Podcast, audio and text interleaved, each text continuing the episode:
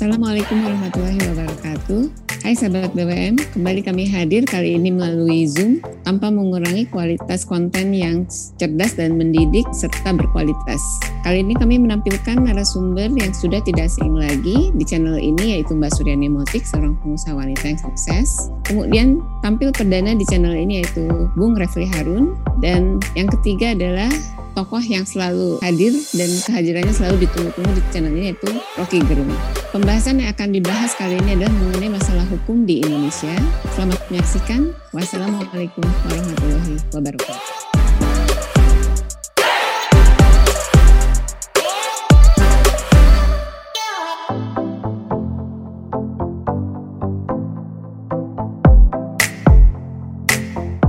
Keadilan ditentukan oleh hasil rapat partai politik. Keadilan ditentukan oleh apa yang akan disogok oleh presiden terhadap uh, orang yang mau mengundurkan diri atas dasar pertimbangan dan kalkulasi politik. Jadi soal-soal begituan yang kemudian terbaca oleh publik sehingga moral support pada hukum berhenti. Nah kalau saya simpulkan, legal norm kita masih ada, norma legalnya masih ada sebagai Uh, black letter of law, hukum yang tertulis sebagai huruf hitam, tetapi social normnya hilang.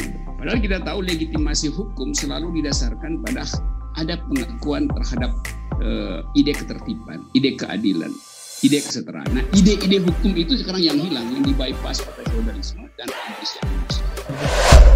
Saya bayangkan misal pemimpin ke depan itu berani mengeluarkan perpu, tapi tentunya dengan mengkonsolidasi dengan DPR untuk misalnya ngetes ulang, untuk mereview, untuk menseleksi ulang hakim-hakim. Luar biasa kan, dimulai dari hakim agung ya kan, mulai kita pelaporan harta kekayaannya dulu, dilihat kewajarannya, diinvestigasi dan lain sebagainya. Termasuk juga penegak-penegak hukum lainnya. Nah ini kan butuh dukungan yang kekuatan-kekuatan revolusioner kan, kekuatan-kekuatan yang ingin melihat negara ini bersih. Saya kira barulah kita bisa keluar dari uh, apa feodalisme hukum tadi dengan dan ketidakberdayaan aparat penegak hukum untuk menegakkan hukum yang sebenar-benarnya begitu. Baik, uh, terima kasih bertemu lagi dengan Bung Rocky Gerung dan kali ini selain sama Bung Rocky Gerung saya juga ditemani oleh uh, adinda saya Refli Harun. Wis. Baik, ini adinda. Memang adinda kita masuk pelan Palembang kita. Oke kakak, aku juga. Wong kitoin juga dong. Wong kito galo.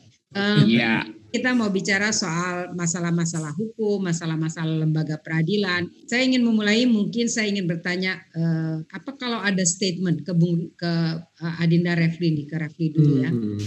Ada orang bilang begini, uh, di Indonesia tuh uh, kelihatannya um, susah sekali ya mencari persoal apa, mencari soal-soal keadilan begitu. Kemudian uh, padahal kita tahu persis lembaga peradilan itu atau lembaga-lembaga yang apa menentukan nasib seseorang itu bagian akhir dari orang upaya mencari keadilan. Tapi di hmm. Indonesia kelihatannya masalah gitu.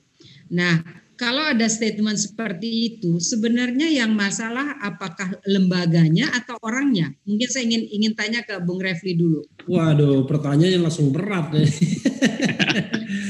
Jadi kalau kita uh, umum aja ya, kan kalau kita bicara hukum itu ada tiga kan, ada yang namanya substansi hukumnya, ada yang namanya kelembagaan hukumnya termasuk orangnya ya, ada yang namanya budaya hukumnya.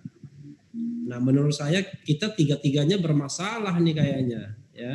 Hmm. Substansi hukumnya bermasalah, contoh misalnya undang-undang ITE kita nggak bisa mengatakan ITE itu hanya soal penerapan, itu soal substansinya.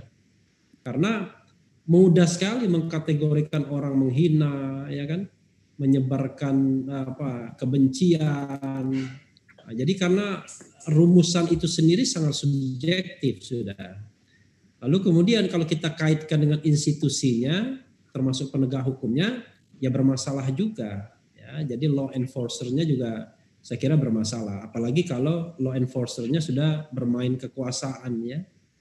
Eh, apalagi kemarin misalnya dalam eh, kontestasi pilkada, pilpres kelihatan betul penegak hukum itu uh, banyak dilibatkan dan banyak melibatkan diri ya. Jadi banyak dilibatkan dan banyak melibatkan diri. Karena kita tahu bahwa investasi politik bagi calon pemenang itu penting. Kalau dia dianggap tidak berkeringat seperti Bung Rocky kan nggak berkeringat ya nggak mungkin lah ditarik tarik ke istana. Atau yang sudah di istana kalau nggak bertarik nggak nggak nggak apa nggak berkeringat ya dipecat juga ya kan. Apalagi suka mengkritik ya. Nah yang ketiga legal culture. Legal culture itu budaya hukum. Menurut saya budaya hukum kita bermasalah juga ya. Karena kita ini menurut saya uh, apa ya rasanya institusionalisasi ketaatan itu tidak dibentuk dari hukum. Jadi lebih mengandalkan peran-peran yang yang yang tidak ada enforcing mekanismenya seperti ya agama ya ini mohon maaf ya agama atau adat istiadat kesusilaan dan lain sebagainya yang uh, apa penegakannya itu sangat tergantung dengan kerelaan jadi tidak ada enforcing mekanismenya beda sama negara-negara barat terutama misalnya yang sangat sangat menekankan uh, hukum. Jadi mereka itu nggak penting sopan, nggak penting apa, yang penting taat hukum. Kalau kita terbalik, boleh eh, yang kalau kita yang penting sopan, yang penting uh, ngikuti norma kesusilaan, norma agama, tapi melanggar hukum dibolehkan. Paling gampang melanggar hukum dibolehkan itu kalau kita berlalu lintas ya kan, ada lampu merah kita embat, ada busway kita embat juga Nah itu kan bagian dari legal culture menurut saya ya. Jadi kalau menurut saya sehingga jalan keluarnya kalau mau diperbaiki ya tiga ini harus diperbaiki. Nah, tapi ada tambahan sedikit dalam era reformasi ini ya memperbaiki itu kan kita harus membutuhkan yang namanya strong leaders ya strong leader lah. Yang, kalau leaders kan banyak ya strong leader. Saya mendambakan misalnya dari sisi eksekutif ketika presiden itu memilih seorang eh, katakanlah penghulu hukum ya, entah itu di kejaksaan, kepolisian, dia tinggal ngomong aja, ibu kalau ibu ya, bapak saya angkat sebagai jaksa agung, sebagai kapolri atau sebagai apa pun, dan saya minta satu tahun selesai, paling tidak eh, kelembagaan itu harus bersih, kan kira-kira begitu. Nah kalau kita mau membersihkan proses penegakan hukum sementara lembaganya sendiri bermasalah sulit bagi kita. Nah, kan setelah itu baru kita torpedo cabang lainnya yang juga kadang-kadang bermasalah yaitu cabang kekuasaan yudikatifnya. Kita tahu bahwa wah susah sekali mencari hakim yang jujur barangkali ya. Susah sekali mencari penegak hukum yang barangkali on the right track ya. Uh, ya yang kafa itu kan susah susah sekali cari lawyer yang kira-kira tidak tergiur untuk uh, apa menyuap kira-kira begitu ya. Nah, mm -hmm. nah itu ini ini saya kira persoalan yang yang kita harus address untuk untuk di tahap awal. Begitu dulu Mbak Yani ya sebelum nanti dinakali oleh uh, uh, rookie yang menggerung. ya.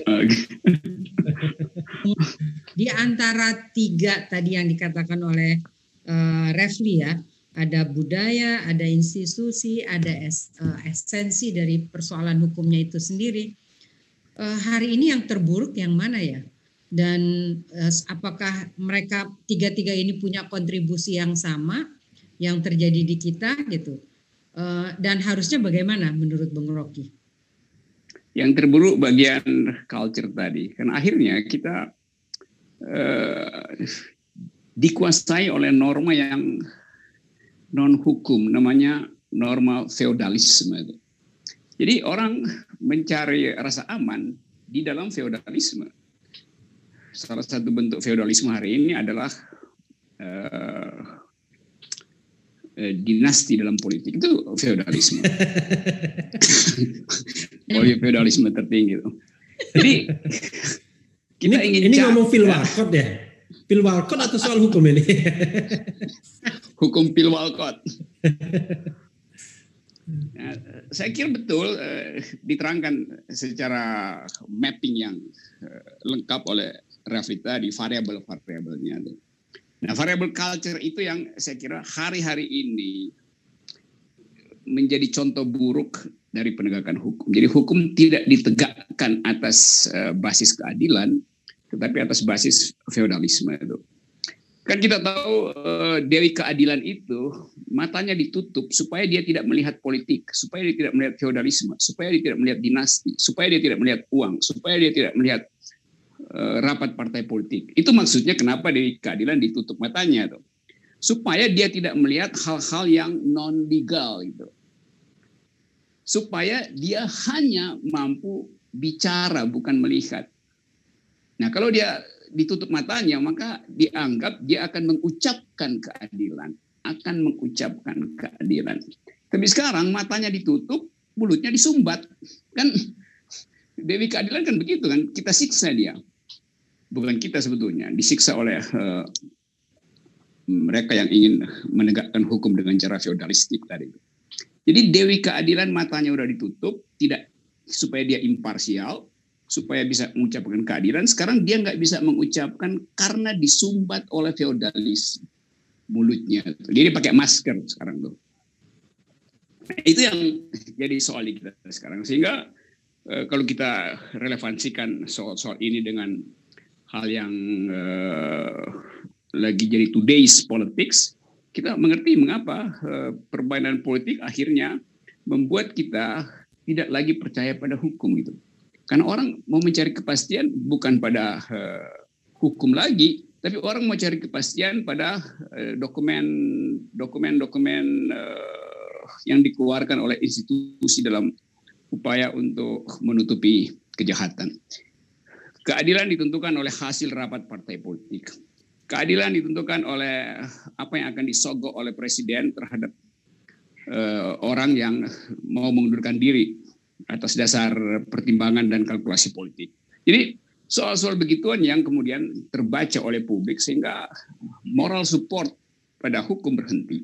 Nah kalau saya simpulkan, legal norm kita masih ada, norma legalnya masih ada sebagai uh, black letter of law, hukum yang tertulis sebagai huruf hitam, tetapi social normnya hilang itu.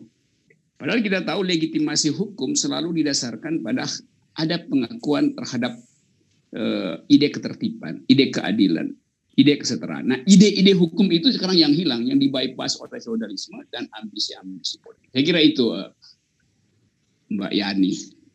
Uh, uh, ini ini menarik sekali ya. Uh, kita tahu bahwa budaya itu merupakan atau cerminan dari value ya sistem nilai yang yes. Oleh apakah itu lembaga seseorang atau suatu negara. Kemudian di, yang diteremkan uh, dalam norma-norma dan barulah muncul dari budaya. Apakah value orang Indonesia seperti itu? Gitu. Padahal kita tahu misalnya uh, reformasi kan dibuat atau ketika terjadi reformasi 98 sebenarnya ingin menghilangkan feodalisme feodalisme itu gitu. Nah, kalau tadi Bung uh, Refli mengatakan ini masih hidup di Indonesia, apa yang sebenarnya terjadi? Kenapa tetap tidak ada perubahan dalam sistem nilai yang ada? Padahal semangatnya pada 98 kan semangat perubahan gitu. Ini saya ingin tanya ke ke Refli mungkin dulu. Ya. Jadi um, menurut saya reformasi 98 itu tidak tuntas, tidak kafa ya. Waktu itu saya kan tidak terlibat, yang terlibat kan Rocky Gerung. Gitu. Iya. saya waktu itu masih pekerja biasa, jadi nggak punya track record. Uh, ketika reformasi itu sudah melengsarkan Pak Harto dan tampil Habibie, ya, kan sebenarnya pergantian orang saja sistem-sistem pendukungnya, instrumen pendukungnya, paling tidak instrumen pendukungnya waktu itu kan ABG itu. Uh, bukan anak baru gede ya, tapi ABRI, birokrasi dan Golkar itu kan tidak ikut dirontokkan, bahkan mereka ikut cawe-cawe, ikut berkompromi, ikut dalam partisipasi dalam membentuk pemerintahan yang baru. Jadi di uh, Presiden Habibie terlibat, Kemudian di pemilu tahun 99 masih menang nomor dua minimal, lalu kemudian masih juga diberi kursi kan. Kita lihat di DPR kan masih 38 kursi ya setelah pemilu 99. Jadi ada institusionalisasi baru yang tidak terbentuk secara benar. Jadi ibarat bayi lahirnya itu barangkali uh, nggak sempurna bentuknya, belum berbentuk manusia. Karena begitu Pak Harto turun, Habibie naik, langsung terpecah suara-suara uh, pro uh, perubahannya itu kan. Ada yang sudah merasa cukup dengan Pak Harto turun, ada yang merasa kita harus tuntaskan reformasi. Saya ikut tuh teriakan Budiman ya waktu di dari penjara sempat disud Budiman Sujatmiko karena waktu itu kan kita tahu dia uh, sempat dipenjara karena perkara politik itu dia mengatakan sambil kalau nggak salah dia goyang-goyang pagar ini bukan reformasi yang sesungguhnya katanya kan begitu ya. Nah, tapi nggak tahu sekarang dia. Dia dia sekarang kayaknya sudah puas dengan reformasi. Kalau berdasarkan berdebat dengan dengan uh, Bung Rocky kan kelihatan dia puas karena sudah part of the government ya kan? Part of the state. Nah, uh, karena itu menurut saya kita kehilangan seperti itu. Contoh misalnya politik ilustrasi ya. Ilustrasi itu harus kita bedakan antara rezim masa lalu dengan yang sekarang. Betul-betul dibedakan. Misalnya harusnya ada putusan pengadilan biar biar ada rule of law-nya yang melarang misal ya, melarang Partai Golkar untuk untuk aktif selama lima tahun misalnya di ban Lalu kemudian band aktivis-aktivis yang dulu terlibat dalam otoritarianisme, bukan aktivis, eh, politisi-politisi yang terlibat dalam otoritarianisme Orde Baru. Kemudian juga menonaktifkan tentara-tentara yang kemudian terlibat di dalam otoritarianisme Orde Baru. Barulah clear. Nah, cuma memang saya pikirkan kalau itu yang terjadi bukan lagi reformasi, mungkin revolusi. Korbannya mungkin lebih banyak lagi. Tapi ya akibatnya dengan separuh-separuh seperti itu, kita lihat bahwa masih banyak anasir-anasir uh, Orde Baru itu kemudian masih bisa uh, eksis sampai sekarang. Tapi yang lucunya juga, orang yang hidup pada era reformasi juga jadi Orde Baru juga dia. kita tahu kan misalnya ada pemimpin yang yang barangkali reformasi 98 nggak tahu sama sekali di mana tempatnya, di mana alamatnya ya, nggak tahu juntrungannya. Tapi ketika memerintah, paling tidak menurut Freedom House, kita kok jadi partly free, jadi separuh bebas. Padahal amanat reformasi adalah harusnya kan eh, kemerdekaan kita yang keberapa kali itu ya, mungkin kemerdekaan kita yang ke tiga kali ya setelah tahun 45 tahun 66, 66 dan kemudian tahun 98 itu. Tapi ternyata uh, tahun 45 kita hanya declare independent tapi kan institusi-institusi politiknya belum sempurna bahkan Bung Karno pada waktu itu ingin menjadikan PNI seperti partai tunggal untuk dicegah itu Sahrir Hatta gitu ya Lalu kemudian tahun 66 ternyata kita terjebak pada gelombang yang sama yang kita kritik. Tahun 98 eh, rasanya masih ada demokrasi walaupun partly baru partly free. Karena itu menurut saya memang momentum 2024 harus direbut. Salah satunya ya penghilangan presidensial threshold. Nah, mudah-mudahan kalau lahir pemimpin yang berani, yang kemudian seperti Rocky Gerung gitu kan, uh, jadi tidak hanya reformasi di bidang politik, kepartaian dan lain sebagainya, tapi yang penting reformasi secara kafa di bidang hukum. Saya bayangkan misal pemimpin ke depan itu berani mengeluarkan perpu, tapi tentunya dengan mengkonsolidasi dukungan DPR untuk misalnya ngetes ulang, untuk mereview, untuk menseleksi ulang hakim-hakim. Luar biasa kan? dimulai dari hakim agung ya kan? Mulai kita pelaporan harta kekayaannya dulu dilihat kewajarannya diinvestigasi dan lain sebagainya. Nah, termasuk juga penegak-penegak hukum lainnya. Nah ini kan butuh dukungan yang eh, kekuatan-kekuatan revolusioner kan? Kekuatan-kekuatan yang ingin melihat negara ini bersih. Saya kira barulah kita bisa keluar dari uh, apa feodalisme hukum tadi dengan dan ketidakberdayaan aparat penegak hukum untuk menegakkan hukum yang sebenar-benarnya begitu. Ya, saya sekarang kepengen ke Bung Rocky. Uh, Oke. Okay. Saya mau lanjut uh, statementnya uh, Refli. Refli hmm. bilang tadi bahwa uh, memang reformasi kita belum tuntas gitu. Dan memang kita akui juga tokoh-tokoh yang lahir di setelah atau pada saat reformasi kita tidak melihat lebih baik. Bahkan beberapa orang mengatakan even worse gitu loh. Mm -hmm. Baru ada order, sekarang tidak ada order. Kemudian Refli juga bilang peran leaders itu sangat kuat gitu.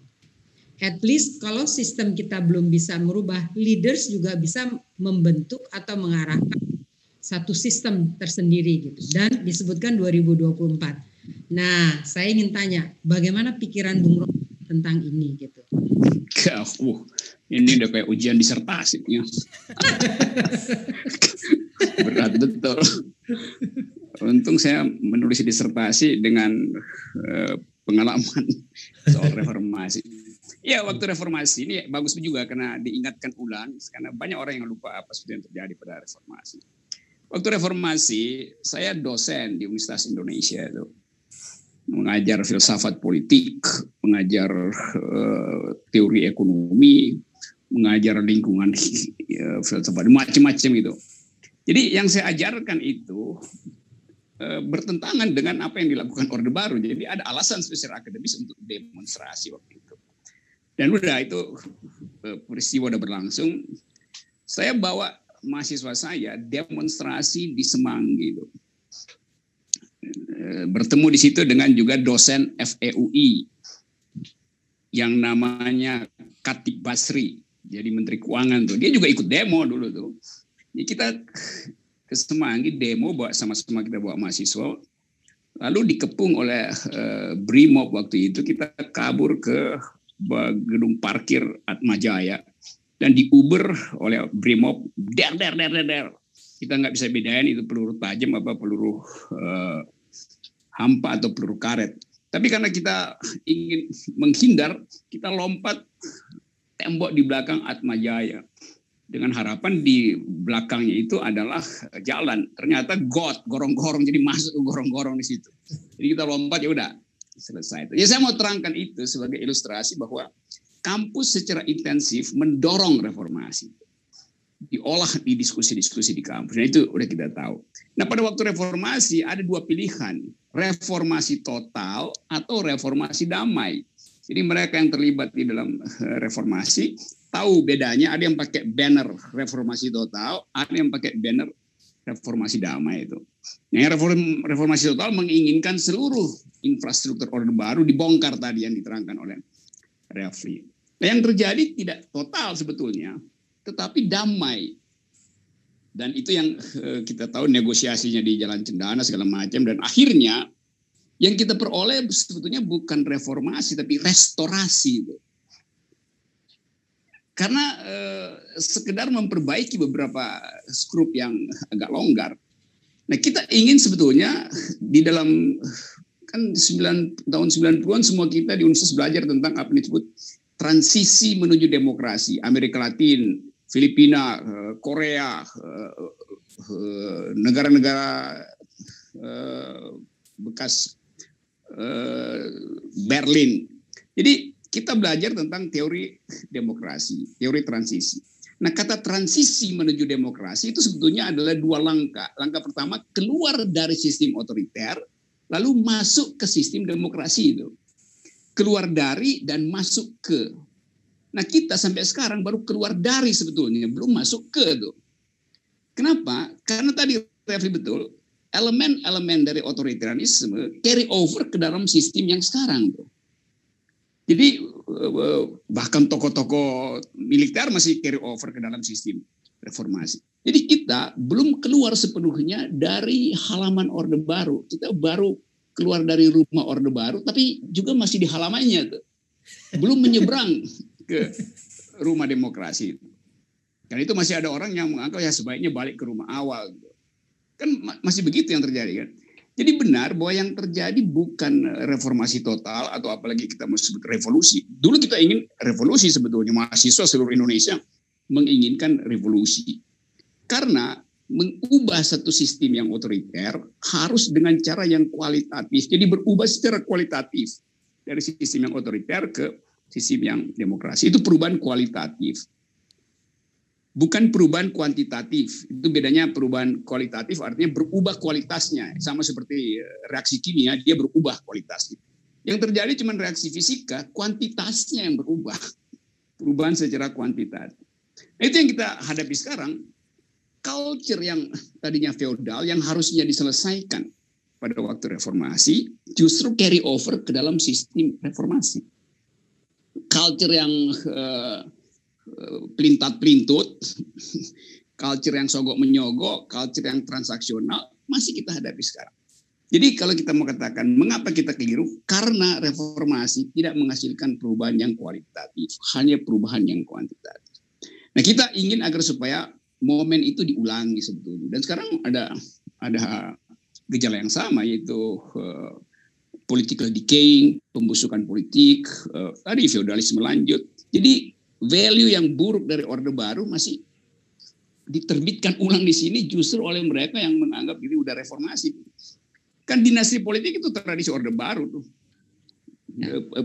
Penunjukan atau memanggil pejabat ke istana untuk urusan eh, keluarga, urusan pencalonan anak segala macam dalam politik kan itu bukan bukan tradisi demokrasi kan. Jadi tidak bisa dibedakan antara sifat uh, egaliter dari birokrasi atau biasa disebut dalam teori sifat Weberian dari birokrasi dan sifat patrimonial dari politik. Jadi eh, suasana di istana masih patrimonialistik, yaitu mengandalkan feodalisme dan bukan eh, birokrasi yang Weberian yang rasional.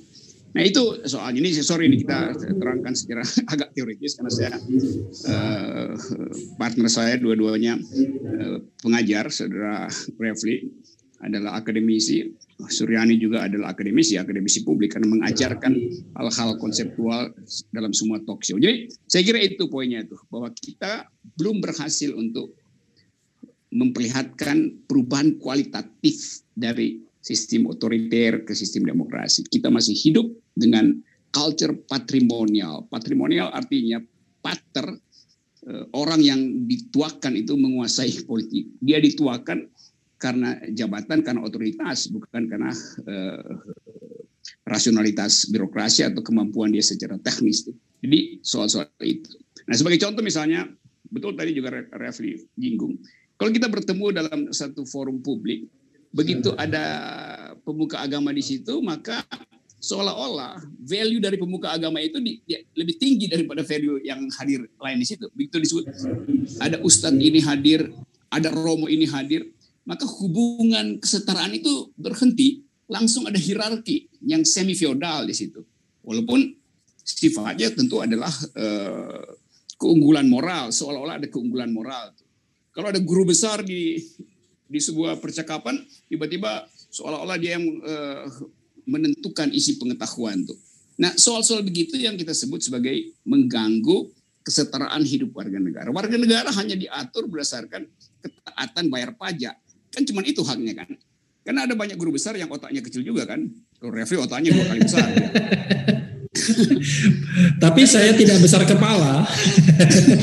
banyak besar kepala sekarang kan. Demikian juga banyak pemuka agama yang sebetulnya juga punya problem dengan uh, status moralnya itu, tapi kemudian di, di, diangkat oleh kebutuhan sehingga menjadi seolah-olah panutan. Nah semua ini terjadi karena tadi itu kesetaraan warga negara tidak diatur oleh hukum, tapi diatur oleh hierarki-hierarki kebudayaan yang buruk sebetulnya. Hierarki kebudayaan bagus kalau di wilayah privat, kalau di wilayah publik hierarki kebudayaan itu menghambat demokrasi itu. Karena kita mesti bersopan santun dengan orang yang seolah-olah kelebihan moral tapi sebenarnya kekurangan akal. Terima kasih.